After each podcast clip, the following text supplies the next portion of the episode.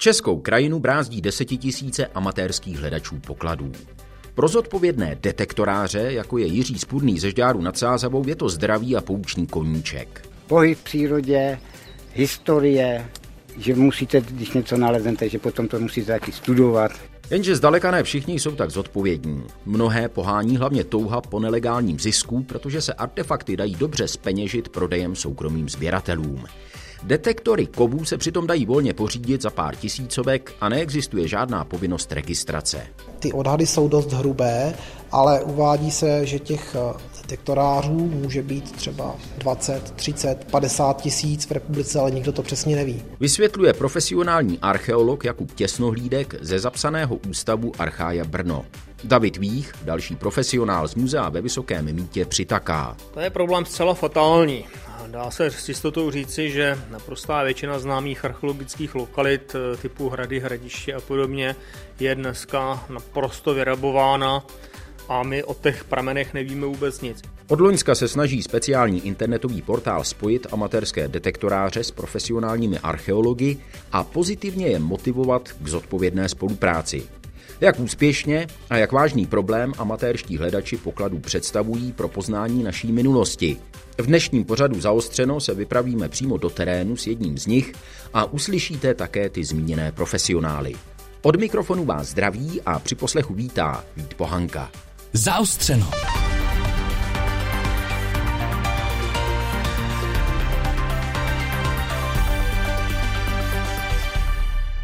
Na úvod trochu historie.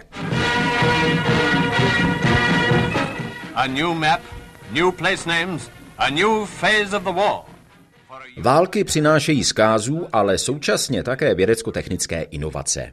První primitivní detektory kovů se strojili vědci pro mírové využití už koncem 19. století. Velký pokrok přinesla 20. léta, ale hlavně pak druhá světová válka.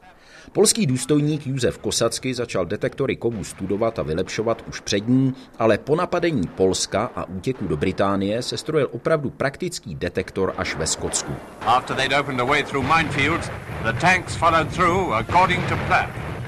Když koncem roku 1942 potřebovali Britové a jejich spojenci co nejrychleji odminovat rozsáhlé území po vítězné druhé bitvě u El Alameinu, měl už maršál Bernard Montgomery k dispozici prvních 500 tzv.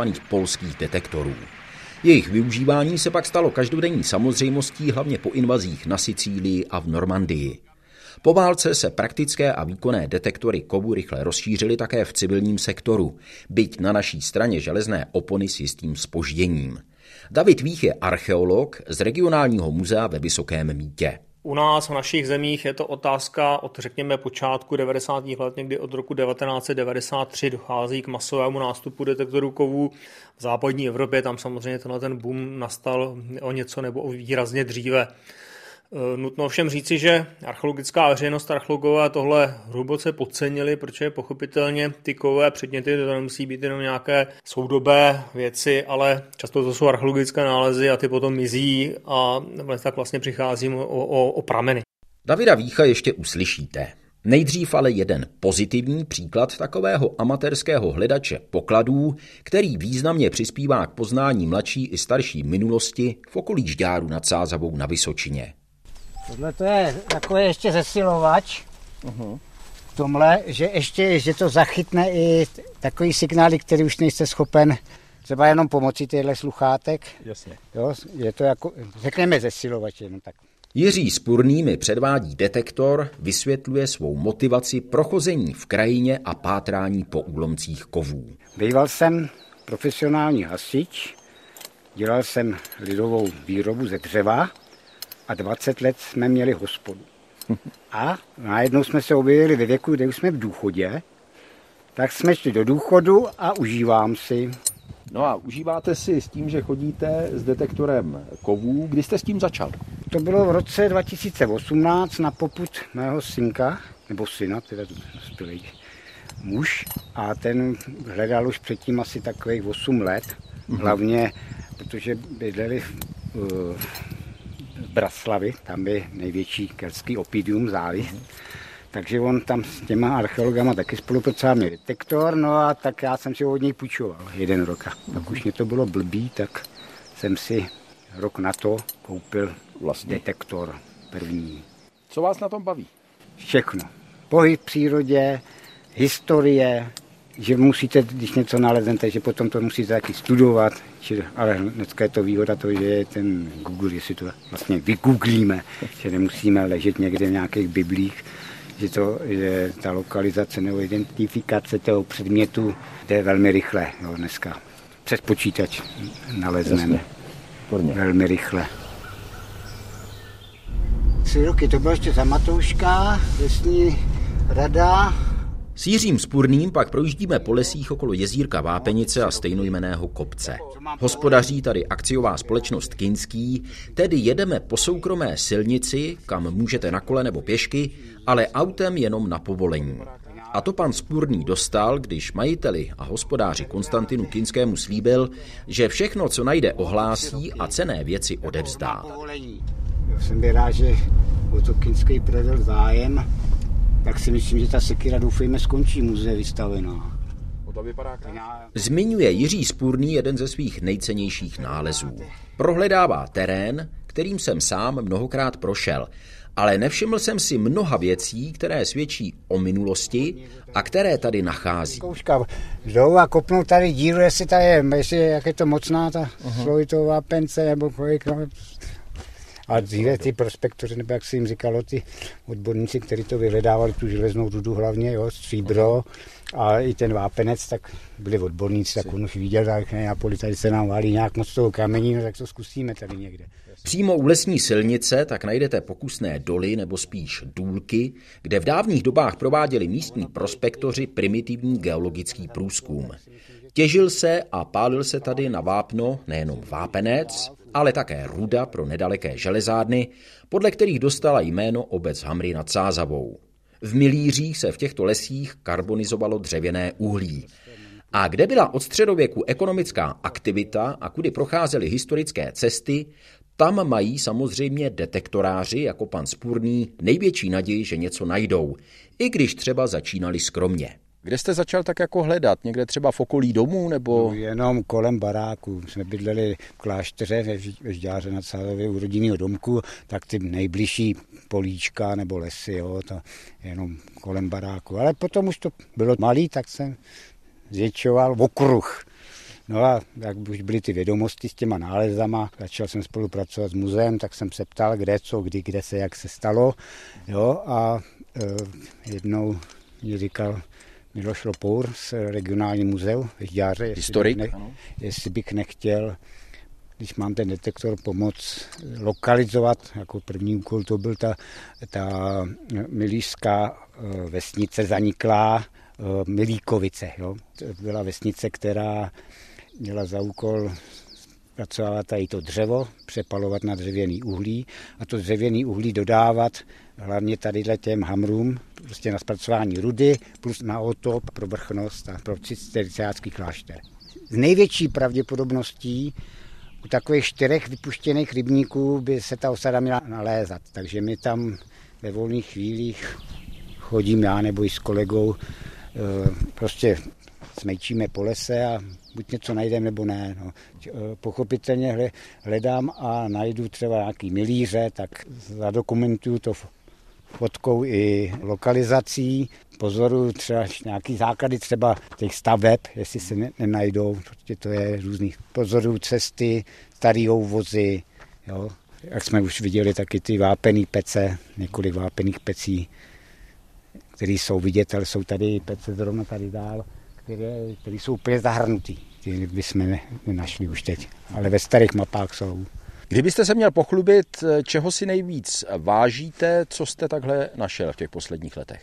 Nějaký ty splněný sny těch detektorářů jsou Pražský groš, tak to se mi už teda konečně podařilo po třech Pro nás lajky, jaké je to zhruba století? No je to, je to Jan Ceburský, 1310 až 1346. A kde jste ho našel? No jenže ten jsem nenašel v lesích, ten jsem našel na poli. Pravděpodobně v té době tam asi byl les a nebo nějaká cesta, že tam došlo k vytrousení třeba z váčku. Jo. Protože tam byl kolega se mnou a který tam našel druhý.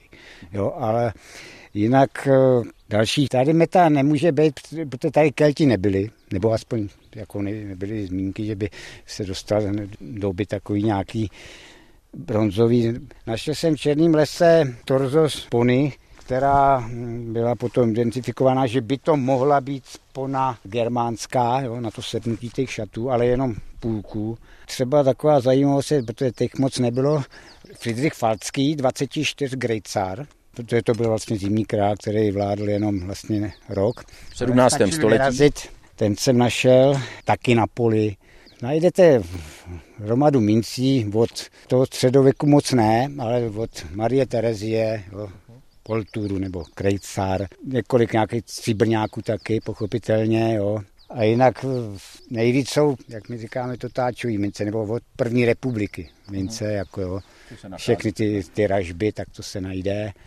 No ale když odmyslíme od, od těch mincí, ukazoval jste mě i jiné předměty, teda, která, které nacházíte? Jelikož teď se nacházíme v lese, přes to léto chodím hodně do lesa, protože na ty pole se nedají, tak, tak se tady zaměřuju na ty lesní cesty a poblíž těch lesních cest vždycky bylo nějaký dění, tak našel jsem desítky středověkých podkov od toho zhruba 1350 do 1500, hodně těch středovky a pochopitelně mladší podkovy, volský podkovy, jo, nějaký ty zákolníky do vozů.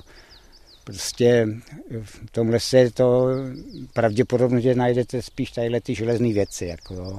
Když jsem si povídal s archeologem Víchem z Vysokého míta, tak byl trošku zdrženlivý v tom, aby mi řekl, kde mají třeba velké nálezy a kde doufají toho najít víc, protože jsou amatérští hledači, kteří jim to potom vyberou.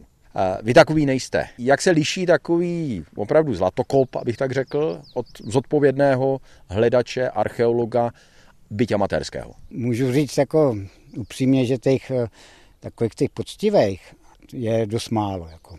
Hodně lidí jako to hledá, nechávají si to pro sebe, ale jsou prostě jedinci, kteří s tím kšeftujou.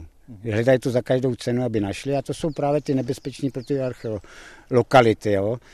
Že to jsou schopni drancovat a když nemůžou vedne, tak chodí v noci, to je vždycky podezřelý, jako jo, mají baterky a řeknou, že nemůžou, že, že chodí do práce, že můžou chodit jenom noci, jo, tak to už je vždycky podezřelý.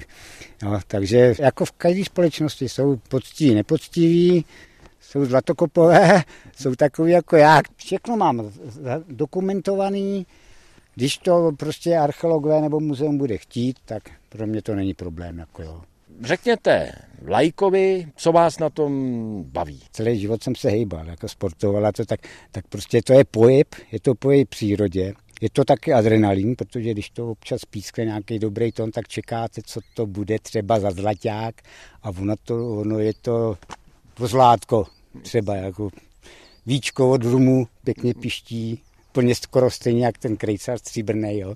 Takže to je jako, jo, ale jinak jako mě to hrozně baví a jsem schopen chodit s více hledači a nebudu sám. Mě to jako nedělá problém.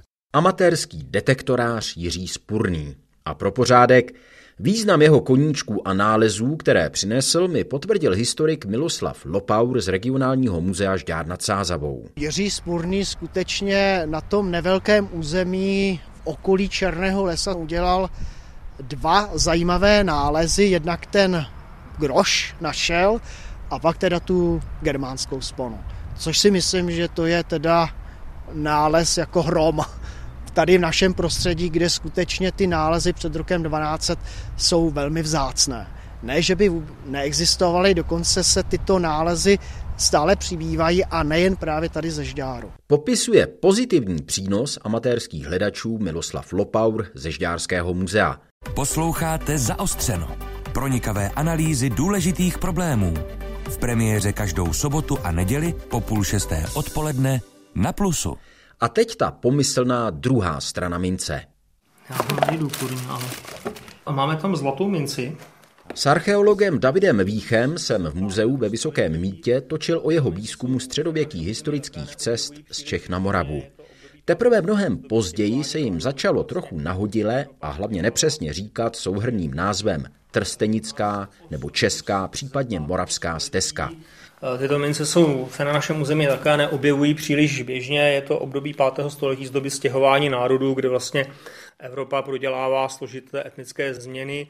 Už před natáčením mě David Vích varoval, že mi nebude na mikrofon sdělovat žádné podrobnosti o tom, v jakých lokalitách právě pracuje, kde vidí příslip hojných archeologických nálezů a poznatků. To je problém zcela fatální. Dá se s jistotou říci, že naprostá většina známých archeologických lokalit typu hrady, hradiště a podobně je dneska naprosto vyrabována a my o těch pramenech nevíme vůbec nic. Je to o to smutnější, že ty kovové nálezy jsou specifickým typem pramenů, který ale má obrovský informační potenciál. Samozřejmě ty střepy nám nikdo moc nevykrádá, ty střepy nám také leda co řeknou, ale ty kovy nám řeknou něco jiného a řeknou nám toho víc. A co například konkrétně? Eh, ty kovy jsou schopné říci informace především o místě původu, což je zvlášť markantní třeba v případě mincí, tak tam jsme dokonce schopni většinou říci, kde byly raženi, poměrně přesně, kdy byly raženy a samozřejmě, když známe místo nálezu, tak už máme začátek i konec určité přímky a teď je otázka, kudy samozřejmě ta mince se na to místo dostala, ale přece jenom už v ruce máme nějaká fakta, se kterými lze dál pracovat. Z kovů bývají zhotovovány předměty, které byly využívány u lidí, řekněme, s vyšším sociálním statusem, takže tohle to všechno nám vlastně mizí, tyhle ty informace, které se s tím váží. Takže je to, je to problém zcela zásadní a velice se dotýká i poznávání komunikací, protože tito hledači v podstatě ten potenciál těch komunikačních koridorů už dávno znají a my archeologové ho v podstatě teprve teď začínáme objevovat. Na v řadě míst už je dávno pozdě. Archeolog David Vích z Vysokého Víta. Kapitana má takovýhle výstup, vyfotíte, v telefonu napíšete a ráno se to přes Google mapy propojí, udělá vám to půdí. Na zámku Žďár se v rámci osvětových programů beseduje s archeologem Jakubem Těsnohlídkem. Přijel jsem popovídat o tom, co je nového, mimo jiné o iniciativě, která má zjednodušit a zpřístupnit spolupráci amatérských hledačů a archeologů. Pracuje pro brněnskou firmu Archaja. Je to soukromá archeologická firma, jsme zapsaný ústav. To znamená, že spolupracujete s muzeí a podobně, takhle, aby si to posluchači prostě Určitě. dokázali představit. Provádíme záchranný archeologický výzkumy na stavbách, kde je potřeba a do toho se snažíme dělat i nějakou vědeckou činnost, publikovat výsledky a spolupracovat s ostatními kolegy i s amatérskými zájemci o archeologii. Pro vás určitě samozřejmost, ale co to je Amčr Pass? Nebo jak to říkáte? Ame... Amateur Pass. Je to portál amatérských spolupracovníků, je to internetová platforma, díky které mohou spolupracovat archeologové s prověřenými zájemci z řad detektorářů nebo i třeba amatérských badatelů a nějakým způsobem, profesionálním způsobem sdílet ta data, ty výzkumy a ty nálezy. A jak dlouho už to asi funguje takhle? Funguje to rok, dva, teďka čerstvě, je to docela nová záležitost, těch artefaktů tam je relativně málo, ale přibývají a já osobně si myslím, že to, že to bude prostě mít eh, nadějnou budoucnost. My si teď povídáme tady ve Žďáře nad Sázavou na Vysočině, kde je, řekněme, skupina nějakých deseti, možná patnácti lidí, kteří se o to zajímají. Máte nějaké povědomí o tom, kolik zhruba je lidí, kteří takhle chodí prostě po krajině z detektory kovů a hledají nějaké předměty, ať už třeba v rámci regionu Vysočiny, Jižní Moravy nebo celé České republiky, já nevím, jsou to stovky, tisíce? Ty odhady jsou dost hrubé, ale uvádí se, že těch eh, detektorářů může být třeba 20, 30, 50 tisíc v republice, ale nikdo to přesně neví. Kolik jich tak spolupracuje, ať už třeba se soukromými institucemi, jako je ta vaše, nebo se státními institucemi? Tak to budou desítky až stovky, podle mě. A ono, a ani ten archeolog nedokáže zvládnout těch zájemců moc, takže prostě to vychází na jednoho archeologa, podle mě třeba 10-20 lidí maximálně. Tady malá vsuvka pro úplnost. Zodpovědné chování amatérských hledačů se snaží už řadu let podporovat webová stránka Lovec pokladů. Jejímu majiteli a správci se nechtělo v tomhle pořadu vystoupit na záznam, ale potvrdil mi, že snaha po spolupráci amatérů s profesionálními archeology roste, až to přináší potenciální problémy. Třeba takový víkend strávený v terénu s amatéry tomu profesionálovi nikdo nezaplatí. Navíc zdravá soutěživost samozřejmě existuje také mezi badateli. Když chce někdo publikovat jako první výsledky svého výzkumu v terénu, vystavuje se prý při spolupráci s amatéry riziku, že se ty jeho nebo její nálezy dostanou na veřejnost dřív, než je stačí patřičně zpracovat, vyhodnotit a popsat. A pak už je to prvenství spochybnitelné. Je také pravda, že velká část amatérských hledačů pátrala ještě tak před 20 lety, prý hlavně po předmětech z období druhé světové války, německých i sovětských insigniích, předmětech a výzbroji, které se ustupující němečtí nacisté na jaře roku 1945 překotně zbavovali. Ale to už prý dnes neplatí. Amatérů z detektory chodí po krajině desetitisíce a informace o tom, kde by se dalo najít něco zajímavého, si profesionálové žárlivě střeží. A je to pochopitelné, pokračuje Jakub Těsnohlídek. Je to dost závažné a ani my nechceme místa nálezová publikovat dopředu, pouze třeba v případě, že se jedná o nějaký ojednělý nález, anebo pokud jsme tu lokalitu už dostatečně proskoumali sami, tak pak to vypublikujeme. Je potřeba na tohle dávat určitě pozor i tři, třeba při publikování výsledků archeologických výzkumů, protože těch uživatelů je hodně a spousta z nich je poctivých, ale určitě se najde i někdo, komu to prostě nedá a bude to tam vyzkoušet a mohl by poškodit nějakou archeologickou situaci.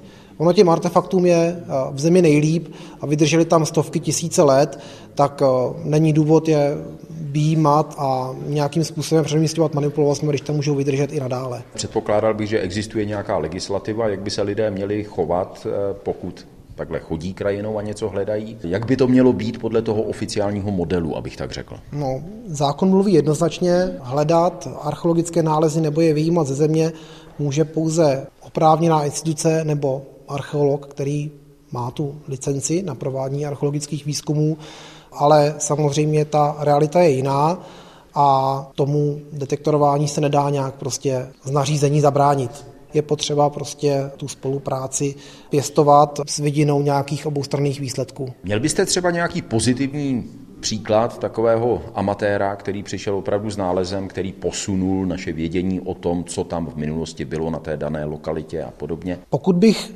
nemusel jmenovat jednotlivce, tak eh, v poslední době se nám třeba díky dlouhodobému sbírání pravěkých artefaktů na Vysočině podařilo nějakým způsobem poznat nebo blíže upřesnit eh, pohyb eh, lidí v našem regionu v době bronzové, kdy se ukázalo, že byly navštěvovány pouze některé části a jinde třeba ta doba bronzová zcela chybí, i když to poznání z hlediska archeologie nebo detektorování je v těch regionech totožné. Jo, takže víme, že třeba se mohli pohybovat pouze na Havlíčko-Brodsku nebo na Pelřimovsku, ale třeba i Hlavsko a Žďársko prostě v některých obdobích bylo méně osídlené a jindy tomu mohlo být naopak. A měl byste naopak zase nějaký negativní příklad toho, kdy opravdu amatér způsobil docela velkou škodu?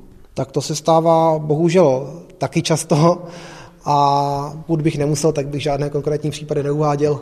Sečteno, podtrženo, místa, kde lidé v dávných dobách žili a zdržovali se tam, jsou profesionály i amatéry z největší části už dávno důkladně prohledaná. Velký potenciál nicméně zůstává přímo v krajině, kudy lidé v různých obdobích procházeli a cestovali po historických cestách a ty se často daří odkrýt při výstavbě obchvatů nebo jiné infrastruktury, která se pokládá do míst, kde dosud byla jen pole, louky nebo lesy. Člověk se s tím setkává často, a to především ve výzkumech v extravilánech měst. To můžou být třeba stavby různých obchvatů eh, měst, nebo třeba stavby nějakých rozsáhlých inženýrských sítí, třeba nějakých plynovodů nebo tak, které tu krajinu doslova přeříznou a vy studujete eh, nejenom třeba nějaké drobnější sídla, nějaké zaniklé vesnice, ale i právě tyhle ty cesty. Ale eh, člověk si to nesmí představit jako jednu nějakou stezku, nějaký hlubokánský úvoz, který proříznul Vysočinu od severu na jih nebo od západu na východ, ale ty svazky těch cest byly třeba půl kilometru, kilometr široké a používaly se koridory, zrovna ty, které byly jako vhodné, kde ta síznost byla dobrá a ta cesta se mohla třeba několikrát za rok přesunout z místa na místo. A záviselo to jednak na historickém období, možná i ročním období, na tom, jestli šel ten člověk pěšky nebo šel s nějakým soumarem, případně později s pobozem. Přesně tak. Potvrzuje na závěr tohoto pořadu zaostřeno archeolog Jakub Těsnohlídek z firmy Archaja. Vysílání Českého rozhlasu Plus ale samozřejmě nekončí. K poslechu dalších pořadů vás zve a naslyšenou se těší Vít Pohanka.